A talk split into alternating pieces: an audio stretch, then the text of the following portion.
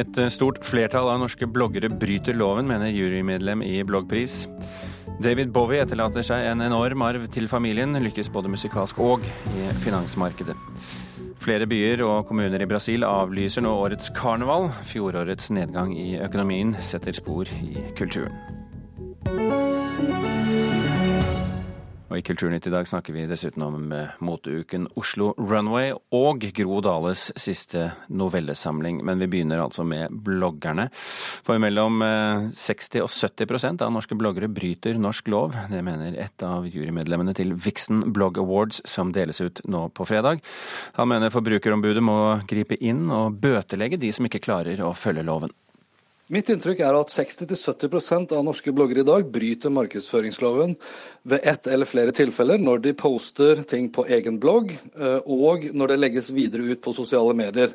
Da er det markedsføringsloven som enten brytes, og eller åndsverksloven. Jurymedlem i Vixen Blog Awards, Hans Petter Nygaard Hansen, fikk i oppgave å sjekke om de nominerte bloggene til prisen var rett merka etter norsk lov. Etter å ha gått gjennom rundt 900 blogger, satt han skuffa igjen. Det er en slags skuffende overraskelse for egen regning at det fortsatt er så mange som eh, bryter eh, de relativt enkle lover og regler som eh, måtte gjelde.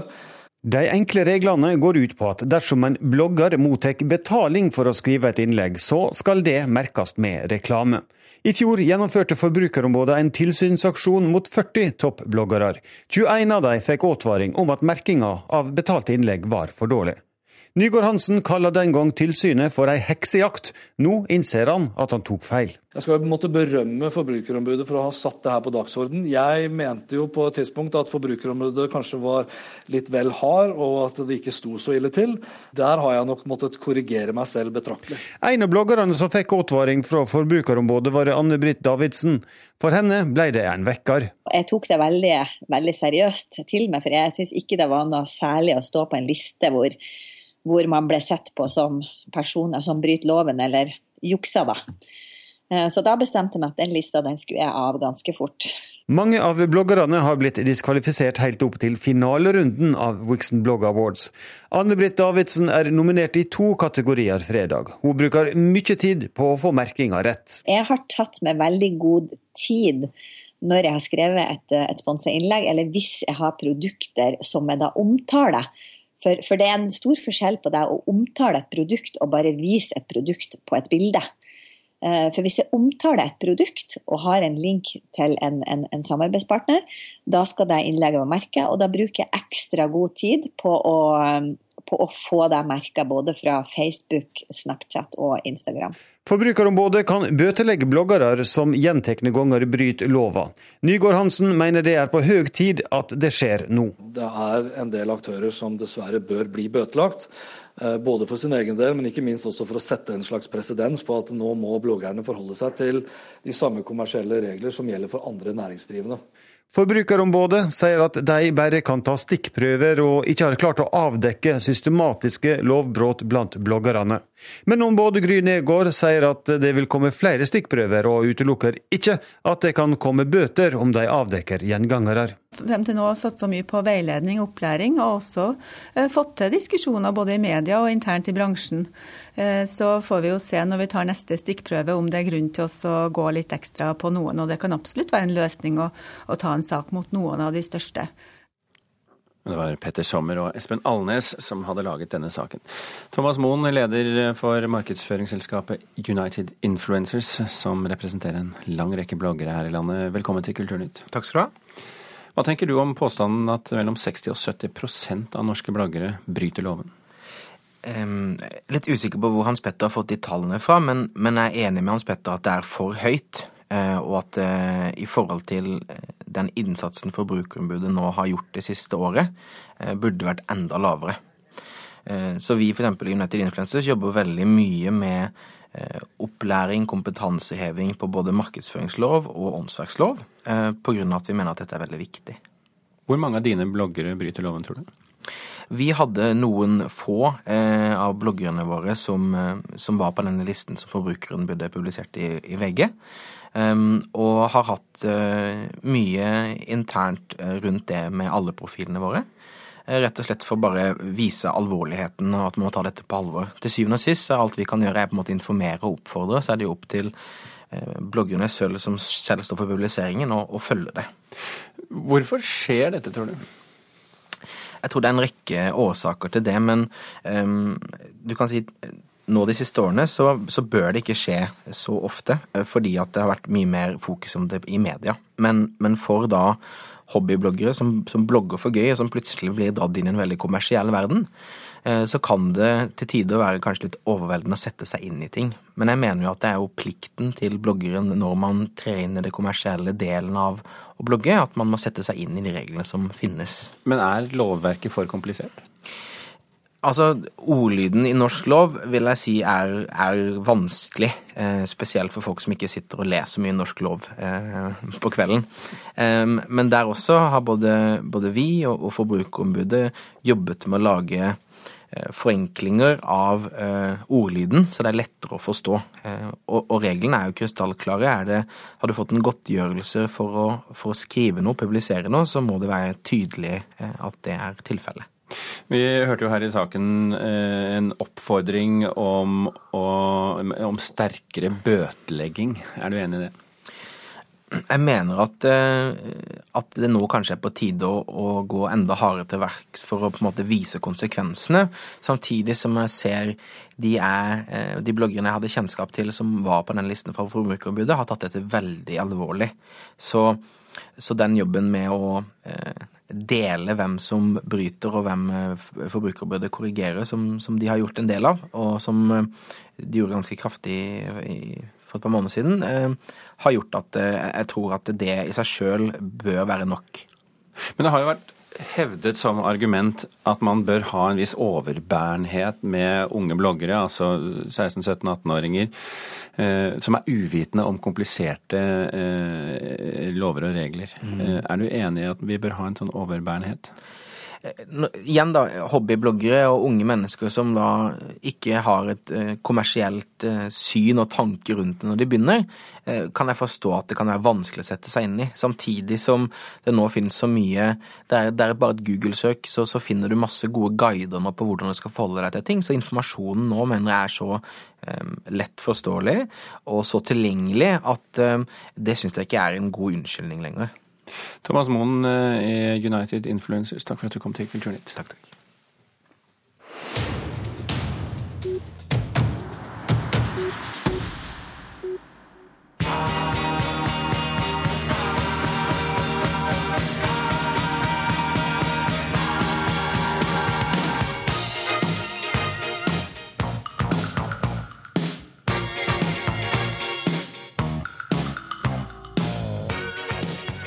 Dette er en av de sangene David Bowie tjente absolutt aller mest eh, penger på, hvis man skal rangere hitsen hans eh, økonomisk.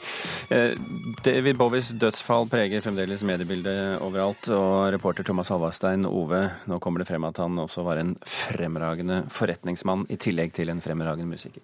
Ja, David Bowie etterlater seg en formue på rundt 1,6 milliarder kroner som hans kone og barn arver. Det skriver Daily Mail i dag.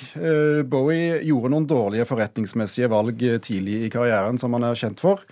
Men i løpet av 90-tallet så snudde forretningsteften. Han eh, teamet opp med bankmannen David Pullman, og sammen laget de en plan der han fikk tilbake kontrollen over eh, musikken sin, og fikk laget en plan for hvordan han kunne utnytte dette på best mulig måte. Og Midt oppi dette så kom også internett. Han var i front på å skjønne betydningen av internett for, eh, for, eh, musikkbransjen. Så er det jo denne minnekonserten i Carnegie Hall i New York som opprinnelig var egentlig en sånn hyllestkonsert, men så døde han jo, så ble det en minnekonsert. Ehm, eh, og i London så legger fansen fortsatt ned blomster. Men, men allerede nå så diskuteres det hva skal vi si, mer permanente måter å hedre ham på? Ja, London-kommunen Lambeth, der eh, bydelen Brixton eh, ligger, og der eh, David Bowie ble født og oppvokst. De, de, ber nå om tips fra innbyggerne om hvordan de kan hedre bysbarnet. Og de vil også, sier de, snakke med familien etter begravelsen når ting har roet seg litt ned, for hvordan de synes det passer best å, å minnes Bowie. Og Ifølge The Independent så vurderer altså kommunen å oppkalle en gate eller uh, reise en statue eller noe i den duren. Og I det minste så blir det nok en såkalt blå plakett på barndomshjemmet. Vi skal fra en død stjerne til en stigende stjerne. Our next guest is the fastest artist in history to reach 1 billion streams on Spotify. Here to perform his hit song Stole the Show featuring Parson James. Please welcome Kygo.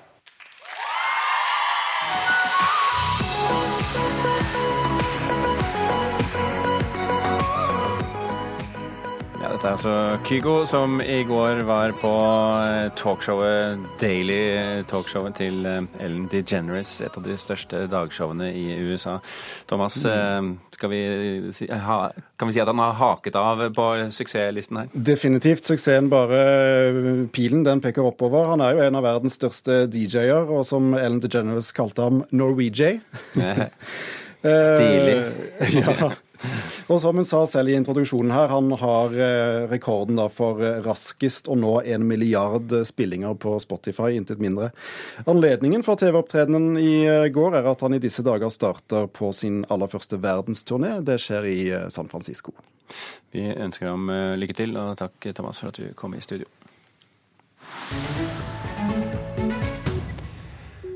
Vi skal sørover fra USA til Brasil, der flere og flere byer og kommuner nå avlyser årets karneval. Og Årsaken er den dårlige økonomien i landet. I fjor hadde Brasil en nedgang i brutto nasjonalprodukt på 4% og Da går det også utover den livsviktige samband.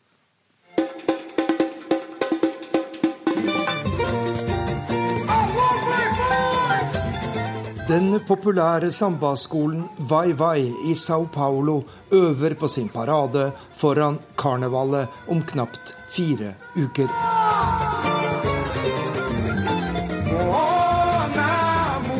Og i Brasils største by går karnevalet etter planen, med paraden på Samba-stadion som det store høydepunktet. Men også i Sao Paulo merker arrangørene at det er økonomisk krise i Brasil. Folk elsker samba, men de vil ikke lenger kjøpe stadig dyrere billetter for å oppleve sambaparaden, sier president Paulo Sergio Ferreira i Sambaskolenes forening. Vi har gjort en undersøkelse blant sambaskolene som nå sliter hardt for å lage en god parade. Mye av utstyret og materialet må kjøpes fra utlandet, og det er blitt mye dyrere fordi den brasilianske valutaen er svekket. Vi burde derfor ha økt billettprisene til paraden, men det kan vi ikke, for det kunne ført til tomme tribuner, sier Samba-presidenten. Brasiliansk økonomi har et fryktelig år bak seg, med en nedgang i bruttonasjonalproduktet på nærmere 4% Økonomien i mange kommuner er nå så dårlig at årets karneval rett og slett er avlyst en rekke steder i Brasil, blant dem i fem byer i Campinas-området i delstaten Sao Paulo. En stor del av de statlige overføringene som vi skulle fått i desember, vil i beste fall komme nå i januar, sier ordfører Jonas Donizetti i byen Campinas.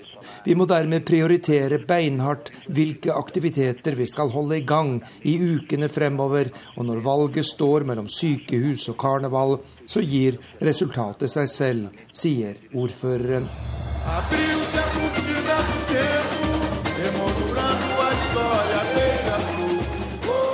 Rio de Janeiros mest populære sambaskole de siste årene, Beija Flor, er klar med en ny, gnistrende parade og er en av favorittene til å vinne årets sambakonkurranse.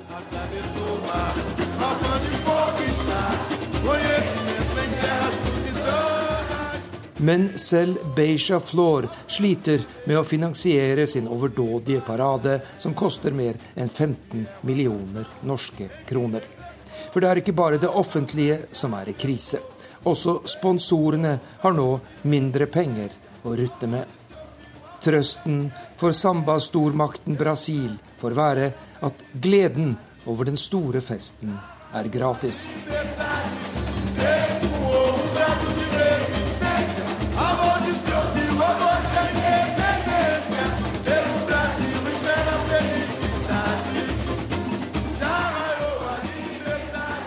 Reporter Arnt Stefansen. Han rapporterte fra Rio de Janeiro.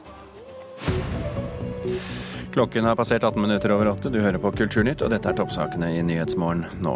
Barack Obama holdt sin siste tale om riket, rikets tilstand i natt. Han lovet en storsatsing for å løse kreftgåten, og understreket at USA fortsatt har verdens sterkeste økonomi. Det har vært en kraftig økning i kortsiktige lån i norske kommuner. Professor ved Norges handelshøyskole, Tore Johnsen, sier slike lån er en tikkende gjeldsbombe. Og minst 15 mennesker er drept og flere såret i en eksplosjon rettet mot politiet ved et vaksinasjonssenter i den pakistanske byen Ketta. Blant de døde er tolv politifolk, opplyser politiet. Flere av landets ledende moteskapere deltar når Oslo Runway fyrer av startskuddet neste måned. I dag ble det klart at både Moods of Norway, Johnny Love T by Timo og Veronica B. Vallenes blant flere deltar under Oslos nye motedager. Simen Stålnakke fra Moods of Norway, hvorfor er dere med? Ja, nei, Vi syns Oslo Runway er en veldig viktig arena, der man får samla Mote-Norge. Vi får vist oss fram i lag, og man får bygge en, en tradisjon. Så det er klart, Du møter jo kunder, du møter presser, du møter ja, alle da på én. Satt mot Norge på agendaen. Men eh, Oslo, altså moteuken i Oslo har jo hatt eh, tradisjonelt sett et mye dårligere rykte enn f.eks. Eh, København eh, og andre store byer. Eh, er det likevel eh, hva skal vi si, prestisje for dere å være med? Ja, absolutt. Vi syns det her er veldig veldig tøft å få vise kolleksjoner der. For sånn som du ser om det er Sverige eller Danmark spesielt, har jo hatt en enormt stor motuke. Det er jo en stor salgsmesse og en motuke, og de har jo en mye lengre tekstiltradisjon enn Norge. Så vi trenger jo sånne initiativ som Oslo Runway for egentlig å greie å, bygge opp eh, da, liksom, mot, mot Norge. Hva skal dere vise i år? Du, vi, viser, vi, vel, vi eh, åpner showet. Eh, vi viser da faktisk vår Spring Summer-kolleksjon, som er en hyllest til den norske sommeren, og da spesielt kysten. Ja, Hvordan viser det seg i eh, kolleksjonen? Du, det er Rent på, ja, les, veldig mye, Det er mye, mye, mye fantastiske mønster som er hentet fra dyreliv, eh, dyrelivet, naturen, folkene, og det er jo litt Snakker vi måker her, siden du snakker om kysten? Ja, vi snakker litt forskjellige måker. Ja, vi, har, vi, har jo, vi, har liksom, vi tar jo norsk inspirasjon og pakker det litt inn i det her Mutanova-universet. Så det mm. blir mye Det blir eh, morsomt, fint og fargerikt. Jorunn Sofie Aartun, forfatter og motejournalist eh, i eh, Dagens Næringsliv. Hva tror du Moods of Norway har å by på, eh, nå, uavhengig om du har sett kolleksjonen eller ikke? Du, jeg tror det blir veldig spennende. Moods of Norway har jo vært gjennom ganske store forandringer. Og de har satset veldig tungt på kvinnekolleksjonene sine, bl.a. Så jeg er veldig spent på å se hvordan det gir utslag på catwalken i februar. Hva kan Oslo Runway bety for Moods of Norway? Altså, Oslo Runway kan bety ganske mye for mange av disse designerne som er med, fordi at det er et godt lokalt utstillingsvindu for norsk mote. Nå har de bare vært én gang tidligere mm, i eh, aksjon, men eh, så langt jeg ser det, så har de vært bransjefremmede, og de har klart å ha en mer profesjonell tilnærming til det å lage en visningsarena. De har satset på presse og innkjøpere, og det har gitt eh, mye positiv blest i markedet. Sett utenfra og fra en legmanns ståsted, så har det vært mye unnskyld uttrykket, rør med moteukene i Oslo de siste 10-20 årene. Um, er det annerledes nå? Jeg vil vel ikke være uenig med deg i det uttrykket du brukte der. Eh, det har vært veldig mye eh, konflikter og splittelser. Og problemet har vel til dels vært at man ikke helt har klart å forankre arrangementet i bransjen. Og her ser det ut som de nye arrangørene har gjort en, en større innsats. Dette virker mer som et felles prosjekt, og det virker som man har lært litt av eh, de tidligere årene. Det er litt mindre kjendiser, litt mindre brunkrem og litt mindre paljetter. Og det er litt mer oppmerksomhet rundt det som skjer utenfor den røde løperen. Og det syns jeg er veldig positivt. Stålnakke, hvilke ambisjoner har dere for årets eh, opptreden?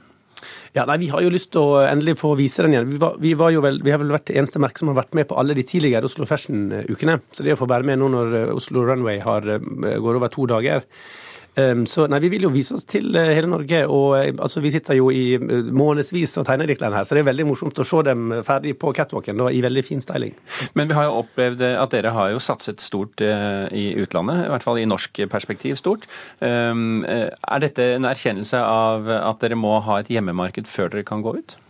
Ja, jeg tror man må ha begge deler. Det er alltid godt å være god på hjemmebane. Og do, nå endelig, når Oslo Runway er For i fjor var det vel bare én dag, og nå er det to dager. og det, det, er jo med å bygge liksom, den nasjonale uh, mot uh, stoltheten òg, da. Og det er så litt tøft at det er norske designere viser norske merker, og da i, i Norges kulturbauta, eh, mm. operaen. Ja. Så jeg syns den pakken er ganske bra som blir presentert her nå. Årtun, vi snakker jo om det med jevne mellomrom eh, her i dette studio. Eh, hva skal til for at norsk moteindustri klarer å faktisk bli en industri som tjener penger og blir eh, lagt merke til i utlandet? Tror du at vi er nærmere det nå enn vi har vært tidligere? Det som er sikkert, er at ikke en visning alene kan løfte et merke til himmelen. Man må ha gjort et veldig solid business-fotarbeide. Man må ha en god plattform, man må ha en kommersiell tilnærming til faget. Man må kunne lage klær i et riktig prissjikt som markedet etterspør.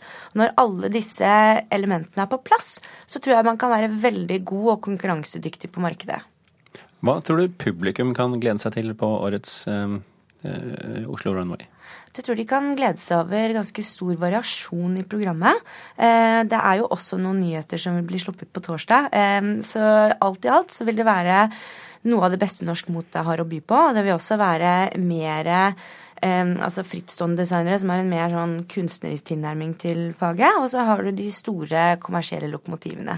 Så det blir en god godtepose for de som er moteinteresserte her til lands. Hva tror du Stålnakke publikum skal glede seg til? Ja, nei, jeg tror det her blir et uh, fantastisk arrangement. og det at Du får sett, du kan gå ned på operaen og se et veldig vidt spekter av norske designere. og Det blir en sånn liten sånn best of uh, fra det, litt som det vårt lille, fantastiske land har å tilby. Dere har, dere har, jo vært en av de største profilene i norsk mote i, i flere år. Eh, tror du at dere får mer konkurranse i år? Ja, vi håper jo på mer konkurranse. Altså, det beste for oss er jo at norsk mote etablerer seg som en stor aktør både nasjonalt og internasjonalt, og at folk velger norsk design. Så det er klart, eh, Norge er jo et lite land, men vi må jo hjelpe hverandre og sette det på kartet, tror jeg. Simen Stålnakke og Jorunn Sofie Aartun, tusen hjertelig takk for at dere kom til Kulturnytt.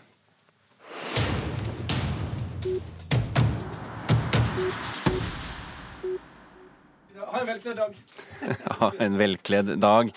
Simen Stålnakke på vei ut av eh, studio her. Vi skal til noe helt annet. Vi skal til Gro Dale. Hun lanserte på slutten av fjoråret sin nyeste bok, novellesamlingen Amerika.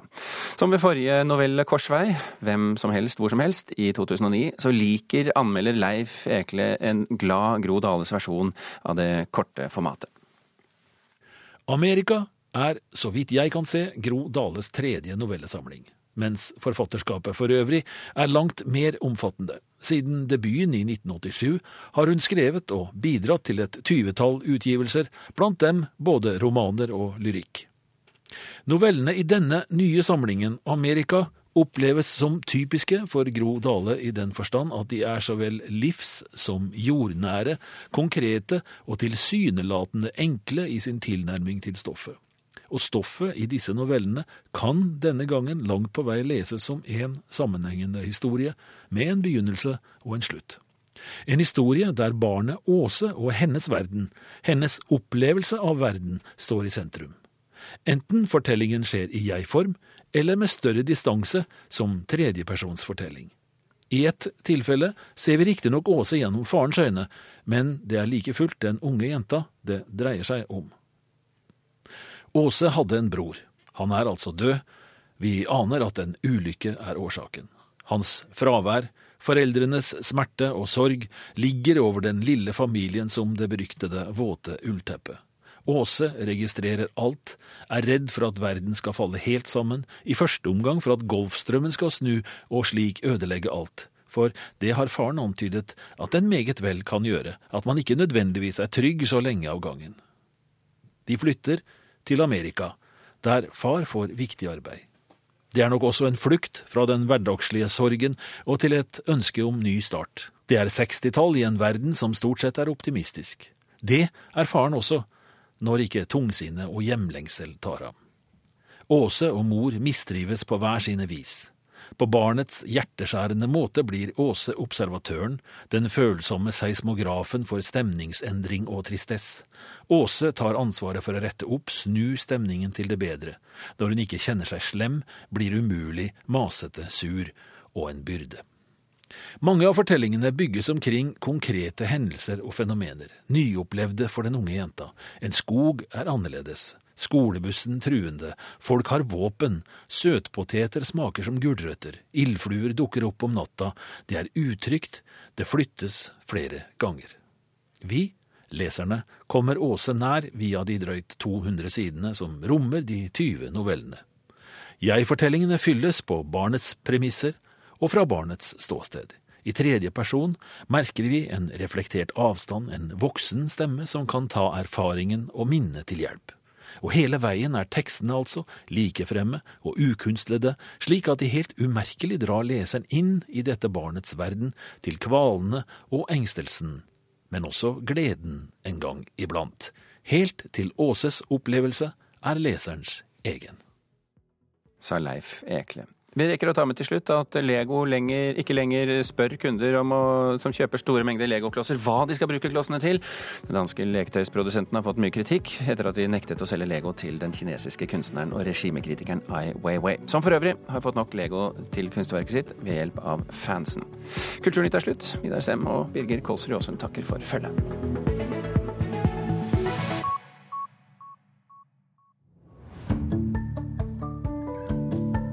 President Barack Obama holdt i natt sin aller siste tale til Kongressen og det amerikanske folk, State of the Union. Hva sa han der, og hvilken tradisjon har egentlig State of the Union, spør vi i Kulturhuset i dag klokka 13.